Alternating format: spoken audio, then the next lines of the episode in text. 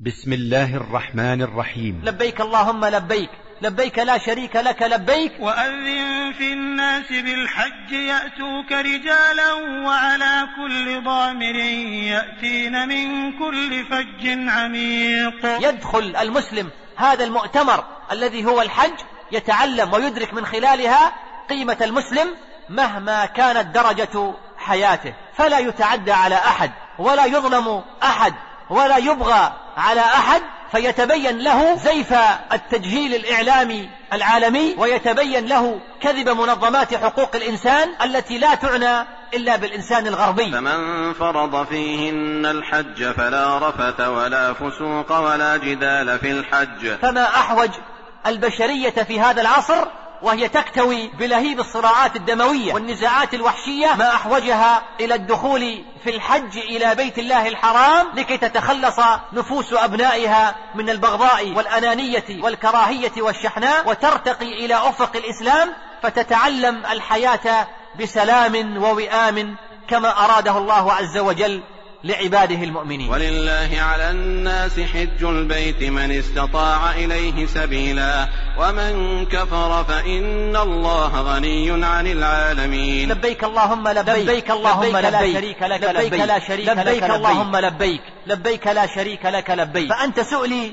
في حجي وفي عمري إليك قصدي قبل البيت والأثر وقبل سعي بأركان وبالحجر صفاء دمع الصفا لحين أعبره. وزمزمي دمعة تجري من البصر عرفانكم عرفاتي إذ منا منن وموقفي وقفة في الخوف والحذر. القادسية تصحبكم مع وأذن في الناس بالحج لفضيلة الشيخ ناصر الأحمد.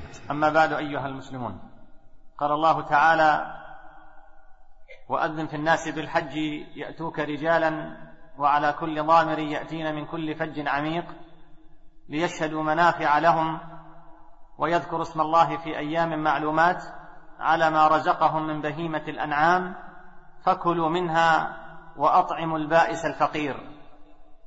وقال جل وعز ولله على الناس حج البيت من استطاع إليه سبيلا ومن كفر فإن الله غني عن العالمين. لقد حوت سنة النبي صلى الله عليه وسلم على فضائل كثيرة للحج. قال رسول الله صلى الله عليه وسلم من حج هذا البيت فلم يرفث ولم يفسق رجع كيوم ولدته أمه. رواه البخاري ومسلم. وعن أبي هريرة رضي الله عنه أن رسول الله صلى الله عليه وسلم قال العمرة إلى العمرة كفارة لما بينهما والحج المبرور ليس له جزاء إلا الجنة. رواه مسلم في صحيحه. ومن فضائل الحج أن الحجاج والعمار هم وفد الله عز وجل. إن سألوه أعطاهم وإن دعوه أجابهم وإن استغفروه غفر لهم ونفقتهم في سبيل الله وهي مخلوفة عليهم وهم معانون في أداء النسك وأن الله جل وتعالى يباهي بالحجاج ملائكته في صعيد عرفات ويتجلى لهم ويقول انصرفوا مغفورا لكم. ومن فضائل الحج قول الرسول صلى الله عليه وسلم أما خروجك من بيتك تأم البيت الحرام فإن لك بكل وطأة تطأها راحلتك يكتب الله لك بها حسنة ويمحو عنك سيئة. وأما وقوفك بعرفة فإن الله عز وجل ينزل إلى السماء الدنيا فيباهي بهم الملائكة فيقول هؤلاء عبادي جاءوني شعثا غبرا من كل فج عميق يرجون رحمتي ويخافون عذابي ولم يروني فكيف لو رأوني؟ فلو كان عليك مثل رمل عالج أو مثل أيام الدنيا أو مثل قطر السماء ذنوبا غسلها الله عنك. وأما رميك الجمار فإنه مدخور لك وأما حلقك لرأسك فإن لك بكل شعرة تسقط حسنة فإذا طفت بالبيت خرجت من ذنوبك كيوم ولدتك أمك. إن لهذا البيت معاشر الإخوة الذي يحج إليه المسلمون كل عام له تاريخ قديم. قال ابن كثير رحمه الله تعالى في تفسيره عند قول الله عز وجل في سورة الطور والبيت المعمور قال رحمه الله. ثبت في الصحيحين أن رسول الله صلى الله عليه وسلم قال في حديث الإسراء بعد مجاوزته إلى السماء السابعة قال ثم رفع بي إلى البيت المعمور. وإذا هو يدخله كل يوم سبعون ألفا لا يعودون إليه آخر ما عليهم. ثم قال رحمه الله يعني ويطوفون به كما يطوف أهل الأرض بكعبتهم. كما يطوف أهل الأرض بكعبتهم كذلك ذاك البيت المعمور هو كعبة أهل السماء السابعة. ولهذا وجد إبراهيم الخليل عليه الصلاة والسلام مسندا ظهره إلى البيت المعمور لأنه بان الكعبة الأرضية والجزاء من جنس العمل وهو بحيال الكعبة وفي كل سماء. بيت يتعبد فيه أهلها ويصلون إليه والذي في السماء الدنيا يقال له بيت العزة. والله أعلم. انتهى كلام الحافظ رحمه الله تعالى. صح عن رسول الله صلى الله عليه وسلم أنه قال استمتعوا من هذا البيت فإنه قد هدم مرتين ويرفع في الثالثة. من معتقد أهل السنة والجماعة أن بيت الله عز وجل هذا الذي تشاهدونه وتطوفون به وتحجون وتعتمرون إليه سوف يهدم في آخر الزمان. وقبل أن أقرأ عليكم الأحاديث الصحيحة في هدم الكعبة في آخر الزمان لعلي أستعرض لكم تاريخ الكعبة بشكل سريع ودون تفصيل وأنها قد تعرضت للهدم والغزو عدة مرات ولعل في أن هذا العرض التاريخي تهيئة للنفوس وأنها لا تستبعد أنها سوف تهدم في آخر الزمان أيضا. فأول مرة هدمت فيها الكعبة بعد أن بناها إبراهيم عليه الصلاة والسلام كانت في زمن قريش في الجاهلية قبل بعثة النبي عليه الصلاة والسلام بخمس سنوات تقريبا. وكان عمره عليه الصلاة والسلام آنذاك خمسا وثلاثين سنة. أرسل الله عز وجل سيلا عظيما فهدم الكعبة. فتشاورت قريش واجتمعت وأجمعت على عمارتها وكان بمكة رجل قبطي نجارا فسوى لهم ذلك وبنوها ثمانية عشر ذراعا حتى أتوا على موضع الحجر واختلفوا أي قبيلة تضعها حتى جاء رسول الله صلى الله عليه وسلم وحكم بينهم والقصة معروفة. ثم بقي البناء على ما هو عليه من زمن قريش حتى تولى عبد الله بن الزبير إمارة الحجاز.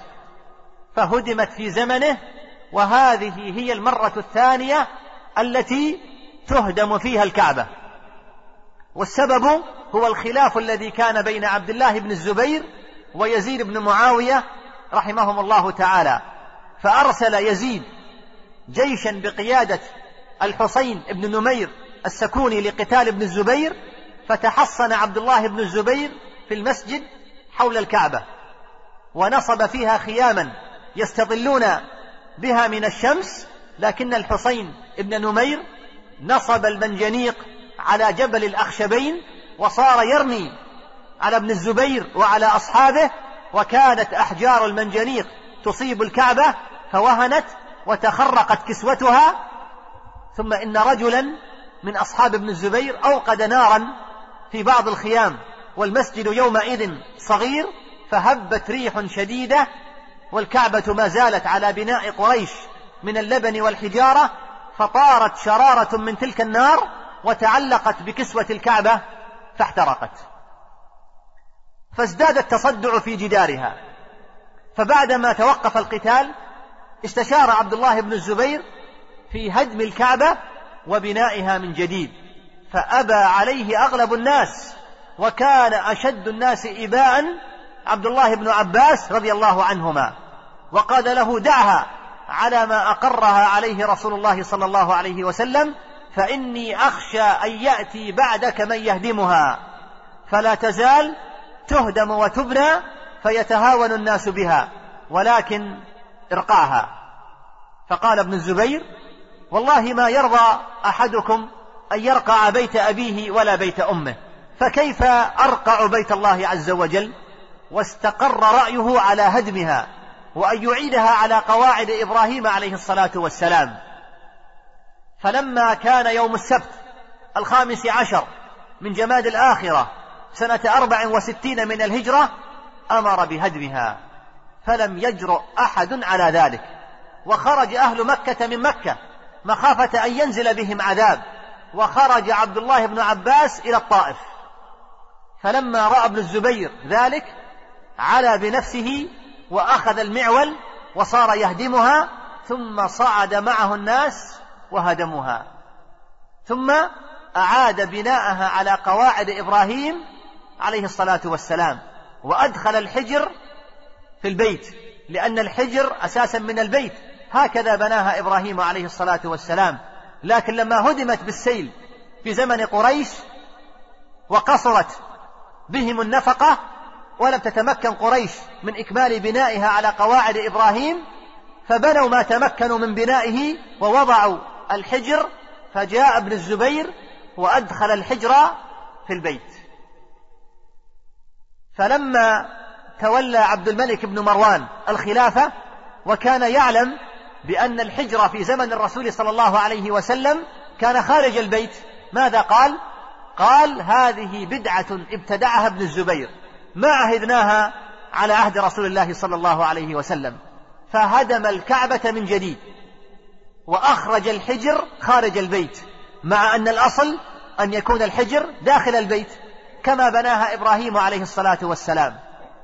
فلما تولى الخلافة المهدي أو ابنه المنصور بعد عبد الملك بن مروان استشار العلماء في هدمها مرة رابعة لإدخال الحجر فقال له الإمام مالك رحمه الله تعالى إمام دار الهجرة لا تفعل ومنع الخليفة من ذلك وقال إني أكره أن يتخذها الملوك ملعبة يهدم هذا ويبني هذا فتركها على ما هي عليه فبقيت على وضعها حتى وقتنا هذا.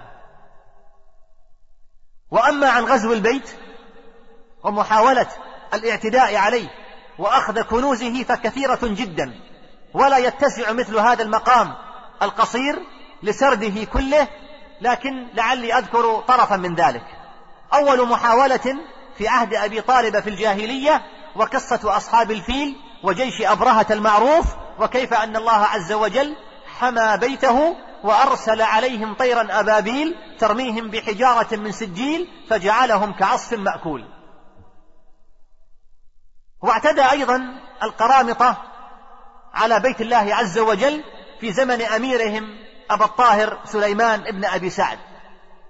فدخل مكة وقتل من الحجاج الكثير ثم أمر هذا القرمطي لعنه الله أن يدفن القتلى في بئر زمزم فدفنوا بها ودفن كثير منهم في أماكنهم في أزقة مكة وشعابها حتى في المسجد الحرام.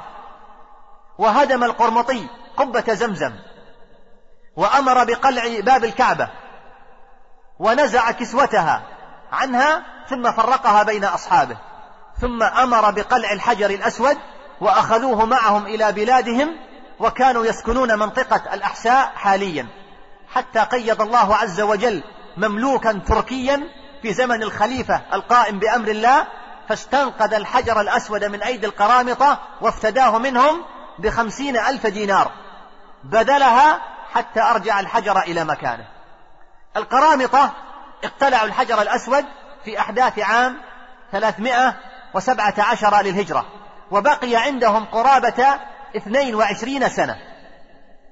ولهذا عندما ألف الإمام الخرقي رحمه الله تعالى المتوفى سنة ثلاثمائة وأربع وثلاثين للهجرة مختصره في الفقه في تلك الفترة العصيبة التي كان الحجر الأسود عند القرامطة ولم يكن في موضعه في البيت قال رحمه الله حين جاء على ذكر مناسك الحج قال ثم أتى الحجر الأسود إن كان فاستلمه. قال الإمام ابن قدامة رحمه الله تعالى في كتابه المغني وقول الخرقي رحمه الله إن كان يعني إن كان الحجر في موضعه لم يذهب به كما ذهبت به القرامطة حين ظهروا على مكة فإن كان والعياذ بالله فإنه يقف مقابلا لمكانه ويستلم الركن وإن كان الحجر موجودا في موضعه استلمه وقبله. وأما عن خراب وهدم الكعبة في آخر الزمان فقد أخبر النبي صلى الله عليه وسلم أنه في آخر الزمان يخرج رجل من الحبشة وهو الذي يهدمها. روى الإمام أحمد عن عبد الله بن عمر أنه سمع النبي صلى الله عليه وسلم يقول يخرب الكعبة ذو السويقتين في الحبشة ويسلبها حليها ويجردها من كسوتها ولكأني أنظر إليه أصيلعا أفيدعا يضرب بمسحاته ومعوله.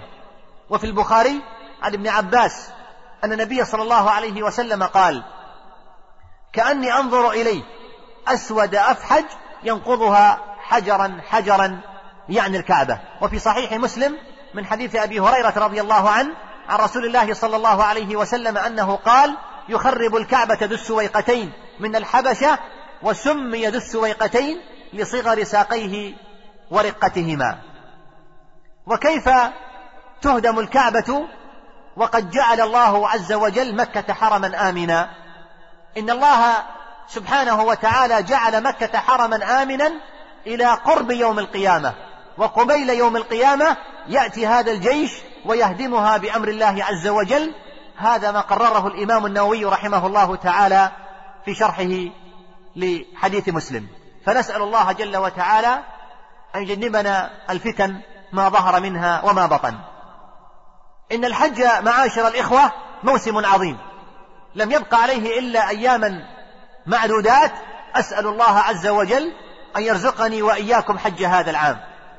فهذه ستة عشرة وقفة لا بد من تأملها قبل الحج. أولا المواقيت.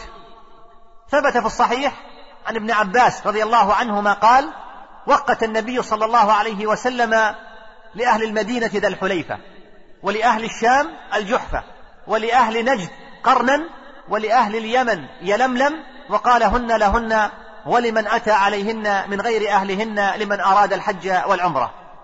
هذا الحديث. متى قاله النبي صلى الله عليه وسلم؟ قاله عليه الصلاة والسلام في الوقت الذي كان فيه الشام والبصرة والكوفة ومصر. كل هذه البلاد لم تفتح إلا بعد وفاة النبي صلى الله عليه وسلم. قال الرسول عليه الصلاة والسلام هذا الحديث في الوقت الذي كانت فيه هذه البلاد تحت أيدي الكفار وتحت حكمهم. فها هنا عدة دلالات. الأولى أن هذا يدل على معجزة من معجزات النبي عليه الصلاة والسلام حيث أنه قد أخبر بأمر غيبي لم يقع بعد. الثانية أن الرسول عليه الصلاة والسلام وقت هذه المواقيت لأهلها وأهلها لم يسلموا بعد. فدل ذلك على أنهم سيسلمون وأن بلادهم ستفتح وسيسلم أهلها وكل هذا حصل بعد وفاة النبي عليه الصلاة والسلام. الثالثة وهذا مما نعتقده وهو أنه كما أخبر عليه الصلاة والسلام بهذه المواقيت قبل فتح بلادها وفتحت فكذلك أخبر عليه الصلاة والسلام بفتح بلاد أخرى كالقسطنطينية وهذه أيضا فتحت بعد زمن من إخبار النبي عليه الصلاة والسلام وأسلم أهلها وحجوا إلى بيت الله الحرام. كذلك أخبر النبي صلى الله عليه وسلم بفتح روما وهذه أيضا ستفتح بإذن الله عز وجل وسيسلم أهلها وإن كانت هي الآن في أيدي الكفار وتحت حكمهم كما كانت الشام والعراق ومصر في أيدي الكفار في الوقت الذي حدد فيه النبي عليه الصلاة والسلام هذه المواقيت. فكل ما أخبر به النبي عليه الصلاة والسلام في الخبر الصحيح أنه سيقع فسيقع. لا نشك في ذلك أبدا. ومن ذلك أيضا أنه أخبر بأنه في آخر الزمان سيمكن لهذا الدين. وأنه ما من بيت على وجه الأرض. وتأمل في قول النبي عليه الصلاة والسلام ما من بيت فلم يقل ما من بلد. أو دولة أو مجتمع وإنما قال ما من بيت وإن كان بيت مدر أو وبر إلا وسيدخله الله عز وجل. هذا الدين بعز عزيز أو بذل ذليل. عزا يعز الله به الإسلام وأهله وذلا يذل الله به الكفر وأهله. وإن كانت الفترة الحالية التي تمر بها أمة الإسلام من أصعب فتراتها لكن هذا لن يستمر أبدا بل سيكون له نهاية وللكفر حد سيقف عنده وللظلم حد سيقف عنده بل للدنيا كلها حد ستنتهي إليه وستكون الغلبة للإسلام وأهله وللدين وأعوانه ولجند الله وأوليائه وسيعلم الذين ظلموا أي منقلب ينقلبون. ثانيا محظورات الإحرام. المحرم يجب عليه أن يتجنب تسع محظورات كما نص عليها العلماء. وهي اجتناب قص الشعر والأظافر والطيب ولبس المخيط وتغطية الرأس وقتل الصيد والجماع وعقد النكاح وأن يباشر النساء. كل هذه الأشياء يمنع منها المحرم حتى يتحلل. وهذه محظورات خاصة بعبادة الحج. وهناك محظورات عامة في الحج وغيره لكنها تتأكد حال الإحرام كالغيبة والنميمة والكذب والغش والظلم وغير ذلك. من المحظورات الشرعية. فمن عزم على الدخول في مؤتمر الحج العظيم وجب عليه أن يستعد له. من عزم على الدخول في مؤتمر الحج العظيم وجب عليه أن يستعد له. إذا يجب عليك قبل مجاوزة الميقات أن تحرم وأن تتجنب هذه المحظورات الخاصة منها والعامة. وهذا يعني أنك ستدخل منطقة الحرم في سلام. فلا تتعرض للصيد بأذى ولا تتعرض لآدمي أيضا بأذى ولا تتعرض لشجر ولا لنبات بقطع إنه سلام كامل حتى شعر الحاج وأظافره لا يقص شيئا منهما. فهذا فضلا عن كونها علامة على التقشف إلا أنها تشير إلى معنى السلام. إنه سلام حقيقي لا سلام مزيف.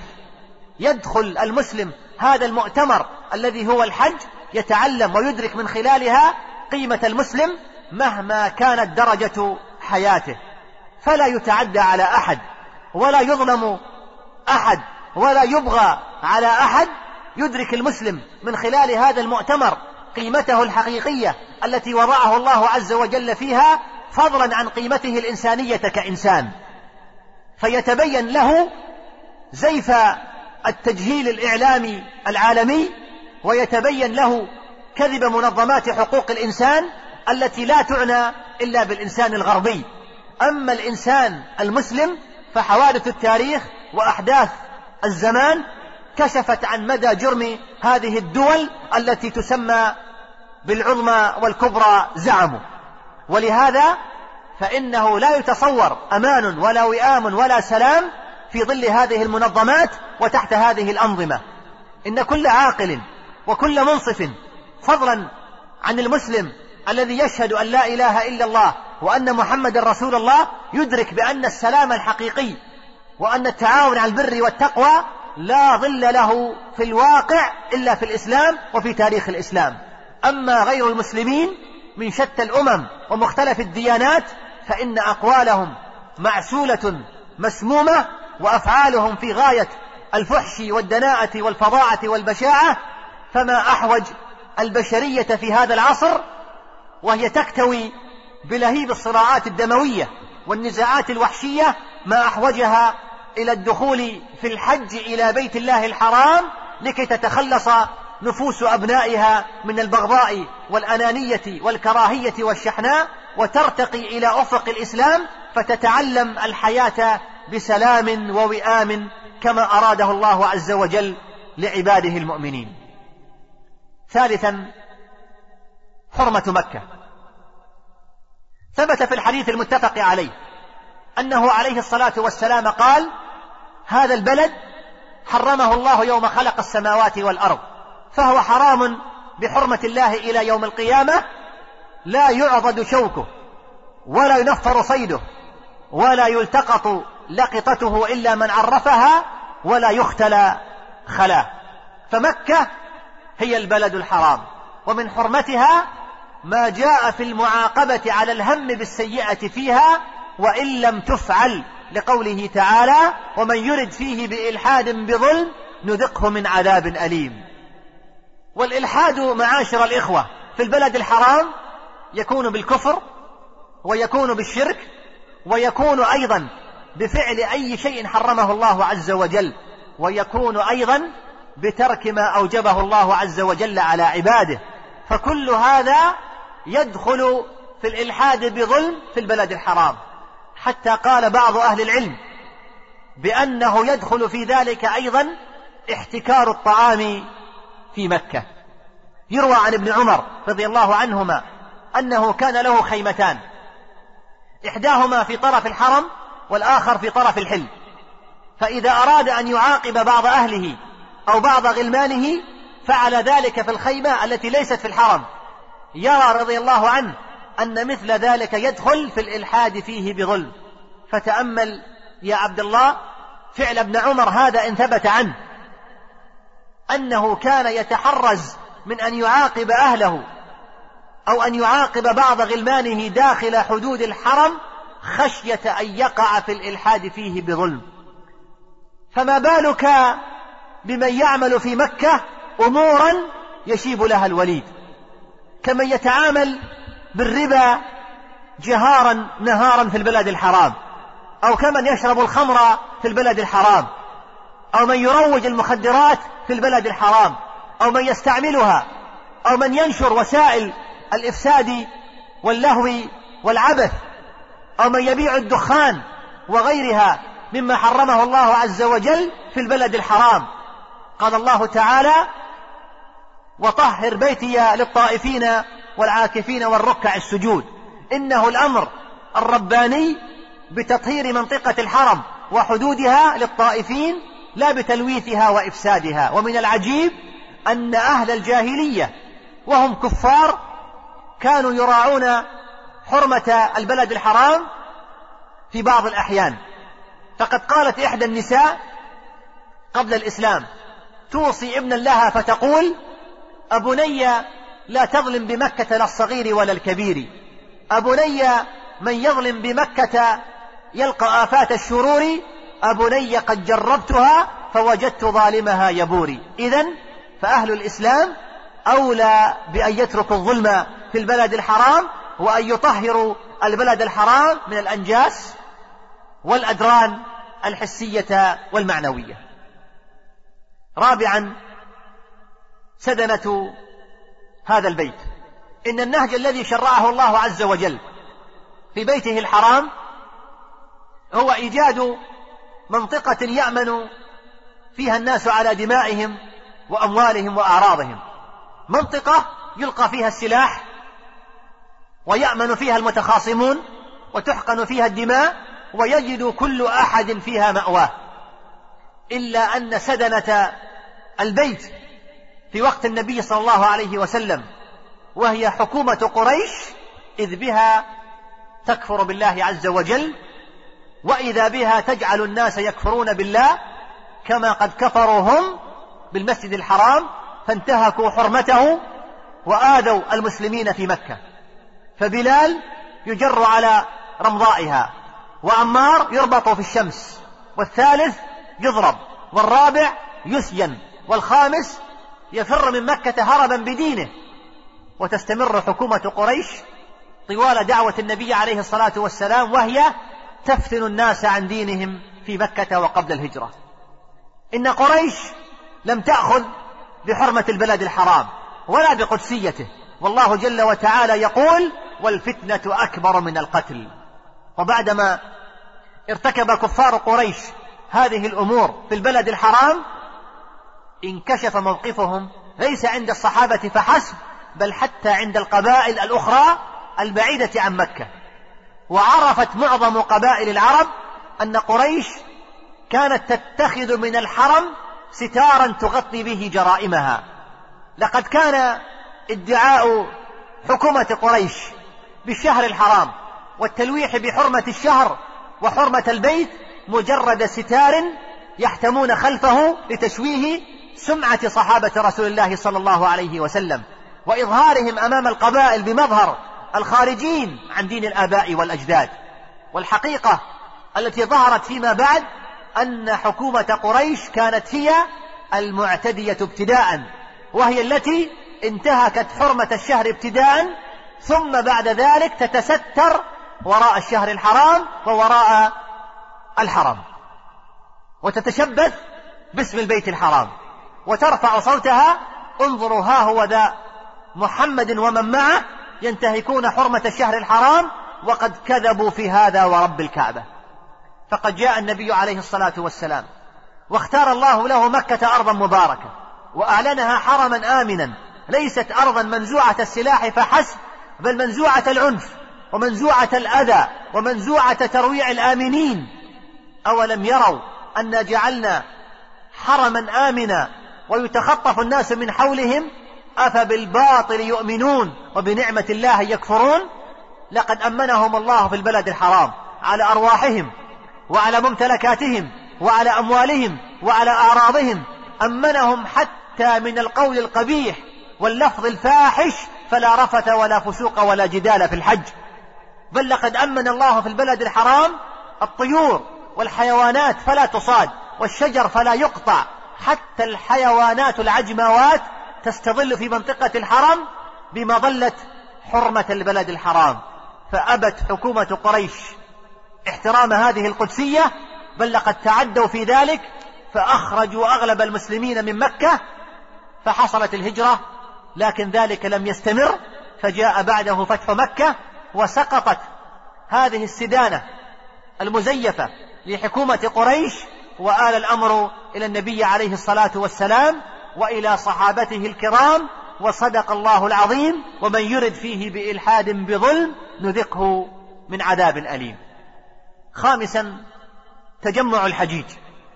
أي نعمة أن يجمع الله لك أخي المسلم هذه الحشود الهائلة وفي هذا المكان بل ونفوسها مهيئة لتقبل كل خير.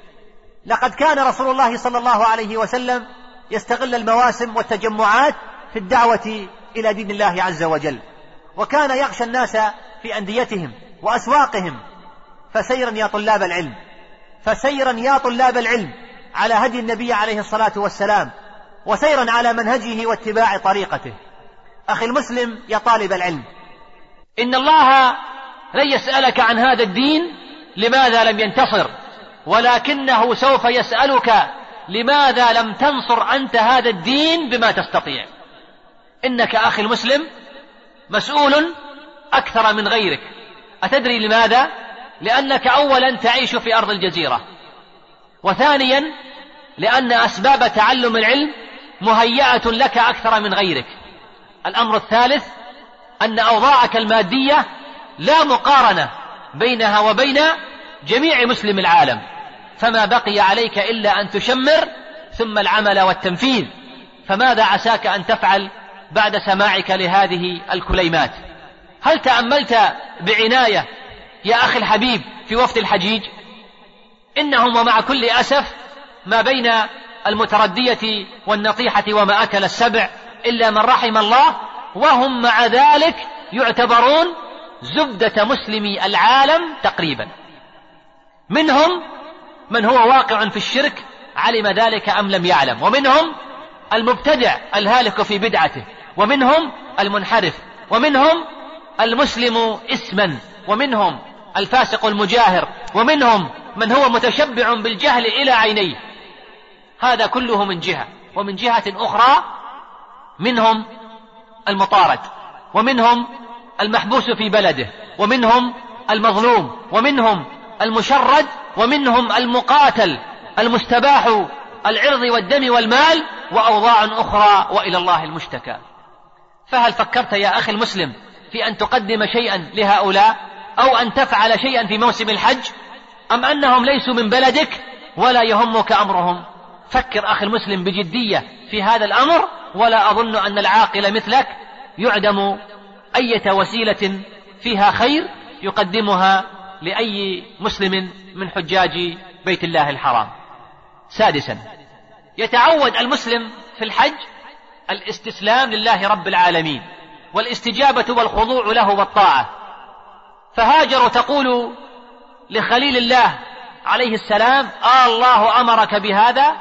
قال نعم. فتعلن استسلامها وإذعانها لأمر ربها فتقول إذا لا يضيعنا الله. وأكرم بها من طاعة. في أرض مقفرة لا أنيس ولا ماء ولا طعام ولا أخلاء. ويأمر الله إبراهيم عليه الصلاة والسلام بذبح ابنه حين بلغ السن الذي يفرح فيها الوالد بولده. ولو أمر غيره بالذبح لكان أهون. فكيف إذا كان الذابح للولد أباه؟ يا بني إني أرى في المنام أني أذبحك. فانظر ماذا ترى. قال يا أبا تفعل ما تؤمر ستجدني إن شاء الله من الصابرين. فيعلن الوالد والولد استجابتهما وانقيادهما وخضوعهما. فتأتي بعد ذلك أعمال الحج لكي تركز هذا المفهوم ولكي تعمق هذا المدلول. ولهذا لا غرابة معاشر الإخوة أن نجد بأن المتمردين هنا مطيعين هناك. فهناك يقف الحاج في عرفة ولو تأخر عنها أو تقدم بطل حجه ويطوف حول البيت وهي أحجار مغطاة بستار ثم يقبل هذا الحجر الذي لا يضر ولا ينفع. يؤدي ذلك ليتربى على الاستسلام والاستجابة والخضوع والطاعة. قائلا في كل نسك وفي كل أمر ونهي لبيك اللهم لبيك لبيك لا شريك لك لبيك. يقول ذلك حتى إذا عاد إلى بلده هنا مرة أخرى وإلى بيته ورجع إلى عمله ووظيفته وسمع الأوامر الإلهية والزواجر الشرعية قال هنا أيضا لبيك اللهم لبيك يعلنها في سائر شؤون حياته كما كان يصدح بها هناك على صعيد عرفات. إذ كيف يستجيب لله في تقبيل حجر ولا يستجيب هنا فيما يجلب له الخير ويدفع عنه الضرر. إذا سمع يا أيها الذين آمنوا فإنه يجب عليه أن يرخي له سمعه وأن يستحضر قلبه مستسلما لله خاضعا منقادا فهو إما خيرا يؤمر به وإما شرا ينهى عنه. إذا سمع يا أيها الذين آمنوا لا تأكلوا أموالكم بينكم بالباطل. يا أيها الذين آمنوا اجتنبوا كثيرا من الظن. يا أيها الذين آمنوا أوفوا بالعقود. اعدلوا هو أقرب للتقوى ولا تجسسوا ولا يغتب بعضكم بعضا وهكذا. كلما سمع أمرا ربانيا أو توجيها نبويا قال دون تردد أو تلكؤ لبيك اللهم لبيك. قال ذلك دون أن يعرض الأمر على عاداته أو على تقاليد بلده أو أن يستجيب لأهواء شياطين الإنس والجن وإنما يقول هنا سمعنا وأطعنا غفرانك ربنا وإليك المصير كما كان يقول هناك لبيك اللهم لبيك. سابعا. قال الله تعالى وإن هذه أمتكم أمة واحدة وأنا ربكم فاعبدون. قدر الله جل وعلا لهذه الأمة الخالدة أن تعيش في بيئات مختلفة جدا من لين وشدة وقسوة وحرارة. ونشاط وركود ومصارعة ومقاومة وإغراءات مادية وسياسية وتقدم في الحضارة وتوسع في المال والمادة وضيق وضنك وبذخ وترف وعسر ويسر وتسلط عدو قاهر وسلطان جائر وكانت الأمة في حاجة دائمة إلى إشعال جذوة الإيمان وإعادة الوفاء والولاء في سائر الأجزاء والأعضاء فكان الحج ربيعا تزدهر فيه هذه الأمة وتظهر بالمظهر اللائق بها. فكما أن الدولة تحتاج إلى تصفية بعد كل مدة من الزمن ليتميز الناصح من الغاش والمنقاد من المتمرد فكذلك الملة تحتاج إلى حج ليتميز الموفق من المنافق. وليظهر دخول الناس في دين الله أفواجا. وقضى الله جل وعز ألا يخلو الحج في أشد أيام هذه الأمة التي تمر بها وأحلكها لا يخلو الحج من وجود بعض الربانيين المخلصين ومن الصالحين المقبولين ومن الدعاة المرشدين ومن الداعين المبتهلين ومن العلماء الراسخين الذين يملؤون جو الحج هناك روحانية وخشوعا. فترق القلوب القاسية وتخشع النفوس العاصية وتفيض العيون الجامدة وتنزل رحمة الله جل وتعالى وتغشى السكينة. فينتفع أولئك الذين جاءوا من كل صوب بعيد وفج عميق فيأخذون زادا من إيمان ويأخذون حبا وحماسا وعلما وفقها.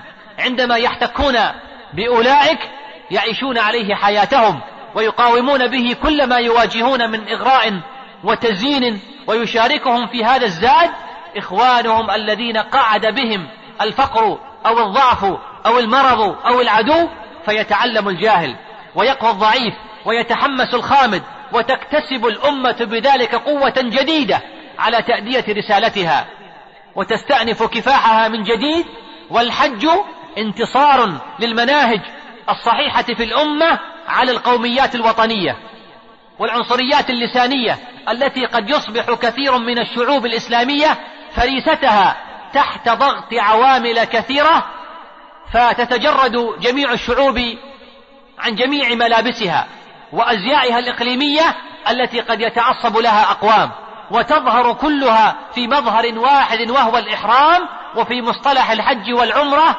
حاسرة رؤوسها تهتف كلها في لغة واحدة تلبية رسول الله صلى الله عليه وسلم الذي رواه الشيخان من حديث ابن عمر رضي الله عنهما أن تلبية النبي عليه الصلاة والسلام لبيك اللهم لبيك لبيك لا شريك لك لبيك إن الحمد والنعمة لك والملك لا شريك لك. ثامنا قال الله تعالى وقالوا إن نتبع الهدى معك نتخطف من أرضنا. أولم نمكن لهم حرما آمنا. يجبى إليه ثمرات كل شيء رزقا من لدنا ولكن أكثرهم لا يعلمون. ما حدث قط أيها الأحبة في تاريخ البشرية كلها أن استقامت جماعة على هدي الله عز وجل إلا منحها الله القوة والمنعة والسيادة في نهاية الأمر بعد إعدادها لحمل هذه الأمانة. إن الكثيرين ليشفقون من اتباع الشريعة. وإن الكثيرين ليخافون من السير على هدي النبي عليه الصلاة والسلام يشفقون من عداوة أعداء الله ومكرهم ويشفقون من تألب الخصوم عليهم ويشفقون من المضايقات الاقتصادية وغير الاقتصادية. وإن هي إلا أوهام كأوهام قريش يوم قالت للرسول صلى الله عليه وسلم إن نتبع الهدى معك نتخطف من أرضنا. فلما تبعت هدى الله عز وجل واستقامت على شريعته ماذا حصل؟ سيطرت على مشارق الأرض ومغاربها في ربع قرن أو أقل من عمر الزمان. وقد رد الله عز وجل عليهم في وقتها بما يكذب هذا العذر الموهوم فقال سبحانه أولم نمكن لهم حرما آمنا يجبى إليه ثمرات كل شيء رزقا من لدنا فمن الذي جعل لهم البيت الحرام حرما آمنا؟ ومن الذي جعل القلوب تهوي إليهم تحمل من ثمرات الأرض جميعا تتجمع في الحرم من كل أرض وقد تفرقت في مواطنها. فما بالهم يخافون أن يتخطفهم الناس. لو اتبعوا هدى الله عز وجل واستقاموا على شريعته وطبقوا أحكامه سبحانه وتعالى. والله هو الذي مكن لهم هذا الحرم. أفمن أمنهم وهم عصاة يدع الناس يتخطفونهم وهم تقاة ولكن أكثرهم لا يعلمون. ولكن أكثرهم لا يعلمون. لا يعلمون أين يكون الأمن ولا يعلمون أين تكون المخافة ولا يعلمون أن مرد الأمر لله. وهنا نقرأ إعلان الرسول صلى الله عليه وسلم. أنه مأمور أن يعبد رب هذه البلدة الذي حرمها. قال الله تعالى إنما أمرت أن أعبد رب هذه البلدة الذي حرمها وله كل شيء وأمرت أن أكون من المسلمين. تاسعا. قال الله تعالى يئس الذين كفروا من دينكم فلا تخشوهم واخشون. اليوم أكملت لكم دينكم وأتممت عليكم نعمتي ورضيت لكم الإسلام دينا. يئس الذين كفروا من دينكم أن يبطلوه ويئس الذين كفروا من دينكم أن ينقصوه ويئس الذين كفروا من دينكم أن يحرفوه. وقد كتب الله عز وجل لهذا الدين الكمال والتمام بل وسجل له البقاء. قد يغلب المسلمون في موقعة أو قد يهزمون في فترة من عمر الزمن. ولكن الذين كفروا لا يغلبون على هذا الدين أبدا. ويا سبحان الله على شدة ما كادوا له وعلى عمق جهالة أهله به في بعض العصور غير أن الله عز وجل لا يخلي هذه الأرض من عصبة مؤمنة تعرف هذا الدين وتناضل عنه ويبقى فيها منهجا واضحا بينا مفهوما محفوظا حتى تسلمه إلى من يليها من الأجيال. وما كان للذين كفروا أن ينالوا من أهل هذا الدين إلا أن ينحرف أهله عنه.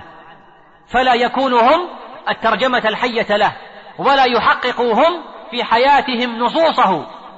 وهذه الآية اليوم أكملت لكم دينكم وأتممت عليكم نعمتي ورضيت لكم الإسلام دينا. نزلت في يوم عرفات في حجة الوداع وفيه أكمل الله عز وجل هذا الدين.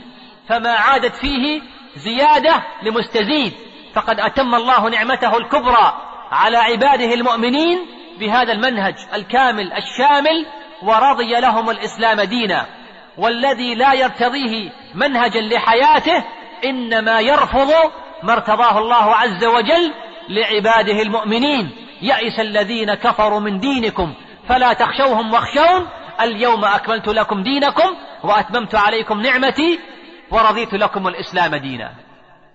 عاشرا. كان المشركون في الجاهلية يطوفون بالبيت عراه ويرمون ثيابهم ويتركونها ملقاة على الأرض ولا يأخذونها أبدا ويتركونها تداس بالأرجل حتى تبلى ويقولون لا نطوف في ملابس عصينا الله فيها فكان ذلك بابا لفساد عظيم وكان تشريعا جاهليا روى مسلم في صحيحه عن ابن عباس رضي الله عنهما قال كانت المرأة تطوف بالبيت وهي عريانة وتقول اليوم يبدو بعضه أو كله فما بدا منه فلا أحله. روى الشيخان وغيرهما من حديث أبي هريرة رضي الله عنه أن الصديق رضي الله عنه بعثه النبي عليه الصلاة والسلام أميرا على الحج وأمره أن يؤذن في الناس ألا بأنه لا يحج بعد هذا العام مشرك؟ وأنه لا يطوف بالبيت عريان. إنها الجاهلية قديما وحديثا تلك التي تعري الناس من اللباس وتعري الناس من الحياء والخلق وتزعم بأن هذا رقيا وحضارة وتقدما وتمدنا وتجديدا. الارتكاس هو الارتكاس والانتكاس عن الفطرة هو الانتكاس. لئن كان مشرك العرب قد تلقوا في شأن ذلكم التعري من الأرباب الأرضية التي كانت تستغل جهالتهم لضمان السيادة لها على هذه الجزيرة فإن بيوت الأزياء ومصمميها لهي التي تكمن وراء هذا الخبل الذي لا تفيق منه نساء الجاهلية الحاضرة ولا رجالها كذلك. ثم من الذي يقبع وراء بيوت الأزياء؟ من الذي يقبع وراء هذا السعار من التعري والتكشف. من الذي يقبع وراء هذا الإعلام الفاسد؟ من الذي يقبع وراء هذه الأفلام والمسلسلات وغيرها من الوسائل الهابطة التي تقود هذه الحملة المسعورة في التعري وفي التكشف؟ من الذي يكتب هذه الكتابات في قضايا المرأة مرة يثار بأنها تقود السيارة ومرة خروجها للعمل والوظيفة ومرة البطاقة وغيرها وغيرها إنهم هؤلاء وأولئك الذين يبغون إشاعة الانحلال وإشاعة الفساد الخلقي والجنسي ويسعون إلى إفساد المجتمعات المحافظة أتواصوا به بل هم قوم طاغون قاله الرب جل جلاله.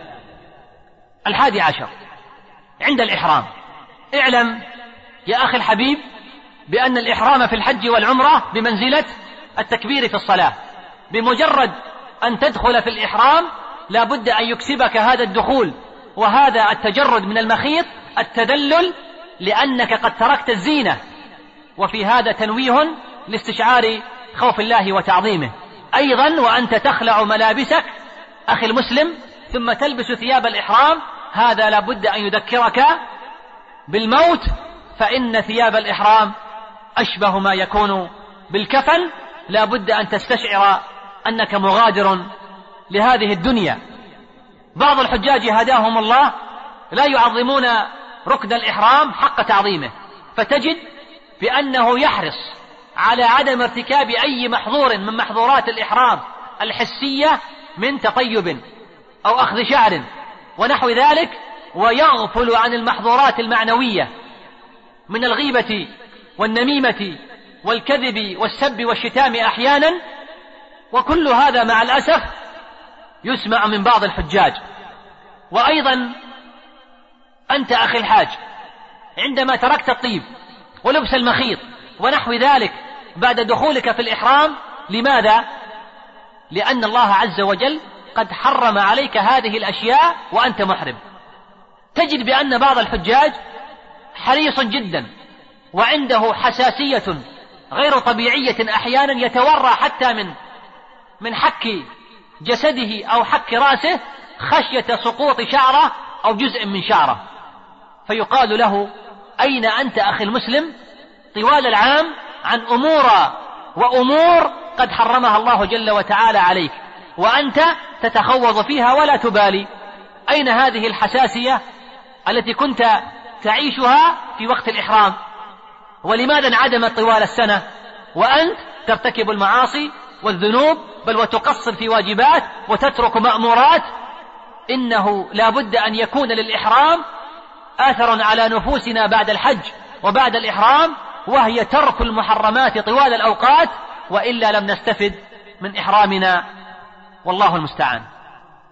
الثانية عشرة. من أسرار عرفات ومزدلفة. روى البخاري في صحيحه. عن جبير بن مطعم قال أضللت بعيرا لي فذهبت أطلبه يوم عرفة. فرأيت النبي صلى الله عليه وسلم واقفا بعرفة فقلت هذا والله من الحمص. فما شأنه ها هنا؟ قريش كانت تحج مع العرب قبل الإسلام لكنها كانت تخالفهم في مشاعرهم. فلا تقف مع الناس بعرفة وإنما كانت تقف في مزدلفة ولا تفيض من حيث أفاض الناس ويقولون نحن أهل الحرم لا نخرج منه وكانوا يلزمون غيرهم بأخذ الملابس والثياب من عندهم وإلا فليطوفوا بالبيت عراه. ثم إن المشركين كانوا لا يفيضون من مزدلفة حتى تطلع الشمس فجاء النبي عليه الصلاة والسلام وخالفهم فأفاض من مزدلفة قبل أن تطلع الشمس وخالف قريش فوقف بعرفة. عن ابن عباس رضي الله عنهما قال كان أهل الجاهلية يقفون بالمزدلفة حتى إذا طلعت الشمس فكانت على رؤوس الجبال كأنها العمائم على رؤوس الرجال دفعوا فدفع رسول الله صلى الله عليه وسلم حين أسفر كل شيء قبل أن تطلع الشمس. لقد جاء الإسلام وفصل بين تعاليمه وما كان عليه أهل الشرك في كل ما كان يخالف هذا الدين. ولقد ترسخت هذه الحقيقة بعمق في مشاعر تلك الثلة الأولى التي حجوا مع النبي عليه الصلاة والسلام مع أن الغالب منهم كانوا حديثي عهد بالإسلام وما زالت الأصنام وعبادتها وعبادة الجن والملائكة قريبة من تصوراتهم بل أغلب ضلالات الجاهلية كانت قريبة انحرافات في الحياة الاجتماعية والأخلاقية انحرافات في العادات الجنسية والعلاقات الزوجية وعلاقات الأسرة بصفة عامة المظالم التي يزاولها الأقوياء ضد الضعفاء في المجتمع بلا ميزان ثابت ومع كل هذا جاء الدين الجديد وأزال ذلك الغبش في فترة قصيرة وعجيبة من عمر التاريخ والزمن فصار المسلم يحج وهو بعيد كل البعد عن تصورات الجاهلية من اعتقادات ومعاملات. فالسؤال الذي يطرح نفسه الآن لا أقول كل لكننا نسأل هل أغلب من يحج الآن لديه هذه المفاصلة الشعورية بين ما تملي عليه عقيدته وبين ما عليه الحياة المعاصرة لا أظن ذلك والله المستعان. لا زال كثير ممن يحج لديه إعجاب بالغرب الكافر. لا زال كثير ممن يحج لديه تعلق وولاء بغير المسلمين. ولا زال هناك الكثير من كليات الدين وأصوله تحتاج إلى تصحيح وإيضاح عند من يحج إلى بيت الله الحرام. وهنا يأتي دور العلماء وطلاب العلم والدعاء وشباب الصحوة في استغلال هذا الموسم العظيم وفي استغلال هذا التجمع الكبير ومحاولة إيصال الخير للناس ومحاولة إيصال هذه العقيدة الصحيحة الواضحة وبعض الأحكام الميسرة لحجاج بيت الله الحرام والذي لا يستطيع أن يعلم وأن يوصل الفكرة بنفسه فليساهم في توزيع كتيب أو شريط على الحجاج وليركز على حجاج الخارج أكثر من حجاج الداخل خصوصا ممن يأتي من بلاد بعيدة فربما أن يكونوا أحوج إلى سماع وقراءة مثل هذه القضايا. الثالثة عشرة وأنت ترمي الجمار. إن رمي الجمار إنما جعل لإقامة ذكر الله عز وجل. ورد في بعض الأخبار بأن الشيطان قد عرض لأبينا إبراهيم عليه الصلاة والسلام فرماه بسبع حصيات فأصبحت سنة. فنحن نقتدي بأبينا إبراهيم وبنبينا محمد عليه الصلاة والسلام. لكن نريد منك يا عبد الله وبعدما ترجع من حجك أن ترمي هنا شياطين الإنس الذين يحيطون بك من كل جانب. ويكون رميك لهم في كل وقت وفي كل لحظة. وإذا كنت قد رميت هناك سبع حصيات فهنا ربما تحتاج إلى سبعين وكأنها إلى السبعمائة أقرب وذلك لكثرة شياطين الإنس ولكثرة طرقهم ووسائلهم في صد المسلم عن دينه. فنسأل الله جل وتعالى أن يحفظنا وإياكم من شياطين الإنس والجن إنه سميع قريب مجيب. الرابعة عشرة. كثير من الحجاج إذا قضوا حجهم توجهوا إلى مهاجر رسول الله صلى الله عليه وسلم إلى المدينة النبوية وزيارة ذلكم المسجد النبوي. اعلم يا أخي الحبيب بأن زيارة المسجد النبوي لا علاقة له بالحج لكن غالب هؤلاء يكون ممن جاء من مكان بعيد وربما لا يعود إليه مرة أخرى فمن الطبيعي جدا أن يحن إلى مأرز الإسلام. إلى ذلك المسجد الذي انبثق منه النور وانطلقت منه موجة الهداية والعلم إلى جميع الأرض وقوة الدين في العالم كله. يحن المسلم إلى المدينة التي آوى إليها الإسلام وتمثلت فيها فصول التاريخ الإسلامي الأول وشهد أرضها جهاد النبي صلى الله عليه وسلم وصحبه الكرام وابتل ترابه بدماء الشهداء فيصلي المسلم في ذلكم المسجد الذي تعادل فيه ألف صلاة فيما سواه إلا المسجد الحرام. روى الشيخان من حديث أبي هريرة رضي الله عنه النبي صلى الله عليه وسلم قال صلاة في مسجدي هذا خير من ألف صلاة فيما سواه إلا المسجد الحرام. خامسة عشرة. وقفة مع عشر ذي الحجة. عن ابن عباس رضي الله عنهما قال قال رسول الله صلى الله عليه وسلم ما من أيام العمل الصالح فيها أحب إلى الله من هذه الأيام يعني أيام العشر. قالوا يا رسول الله ولا الجهاد في سبيل الله؟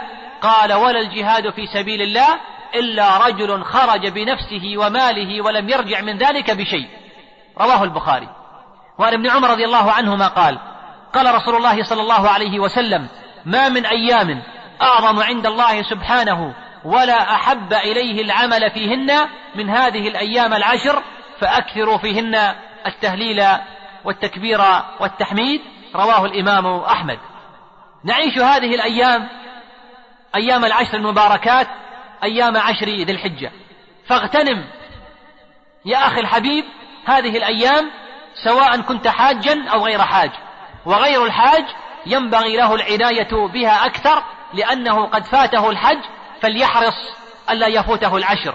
فعليك بالتوبة والصلاة والصيام والتكبير والذكر والصدقة. وعليك بصلاة العيد. واعتني يا أخي الحبيب بالأضحية فإنها سنة أبينا إبراهيم عليه الصلاة والسلام. ثم لا تنسى التكبير بعد الصلوات المكتوبات وهي لغير الحاج تبدأ من فجر يوم عرفة وللحاج من ظهر يوم النحر ويستمر الحاج وغير الحاج إلى صلاة العصر من آخر أيام التشريق. ثم أذكرك بصيام يوم عرفة إن لم تكن حاجا فقد روى مسلم في صحيحه. حديث أبي قتادة عن النبي عليه الصلاة والسلام أنه قال صيام يوم عرفة أحتسب على الله أن يكفر السنة التي قبله والتي بعده. الوقفة الأخيرة سادسة عشرة من فاته في هذا العام القيام بعرفة فليقم لله بحقه الذي عرفه. ومن عجز عن المبيت بمزدلفة فليبت عزمه على طاعة الله وقد قربه وأزلفه.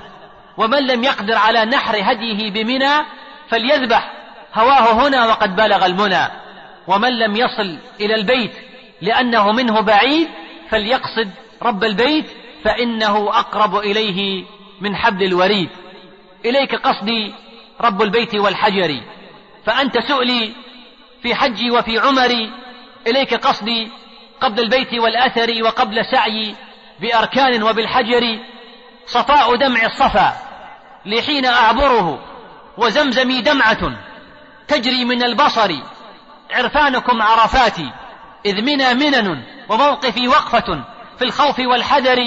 وفيك سعي وتطوافي ومزدلفي والهدي جسمي الذي يغني عن الجزر ومسجد الخيف خوفي من تباعدكم ومشعري ومقامي دونكم خطري زادي رجائي لكم وشوق راحلتي والماء من عبراتي والهوى سفري. وآخر دعوانا أن الحمد لله رب العالمين وأصلي وأسلم وأبارك على عبده ونبيه محمد وعلى آله وصحبه وسلم تسليما كثيرا. وفي جميع التسجيلات الإسلامية. بسم الله الرحمن الرحيم. القادسية. القادسية وما أدراكم ما القادسية. الله أكبر يا رجال القادسية.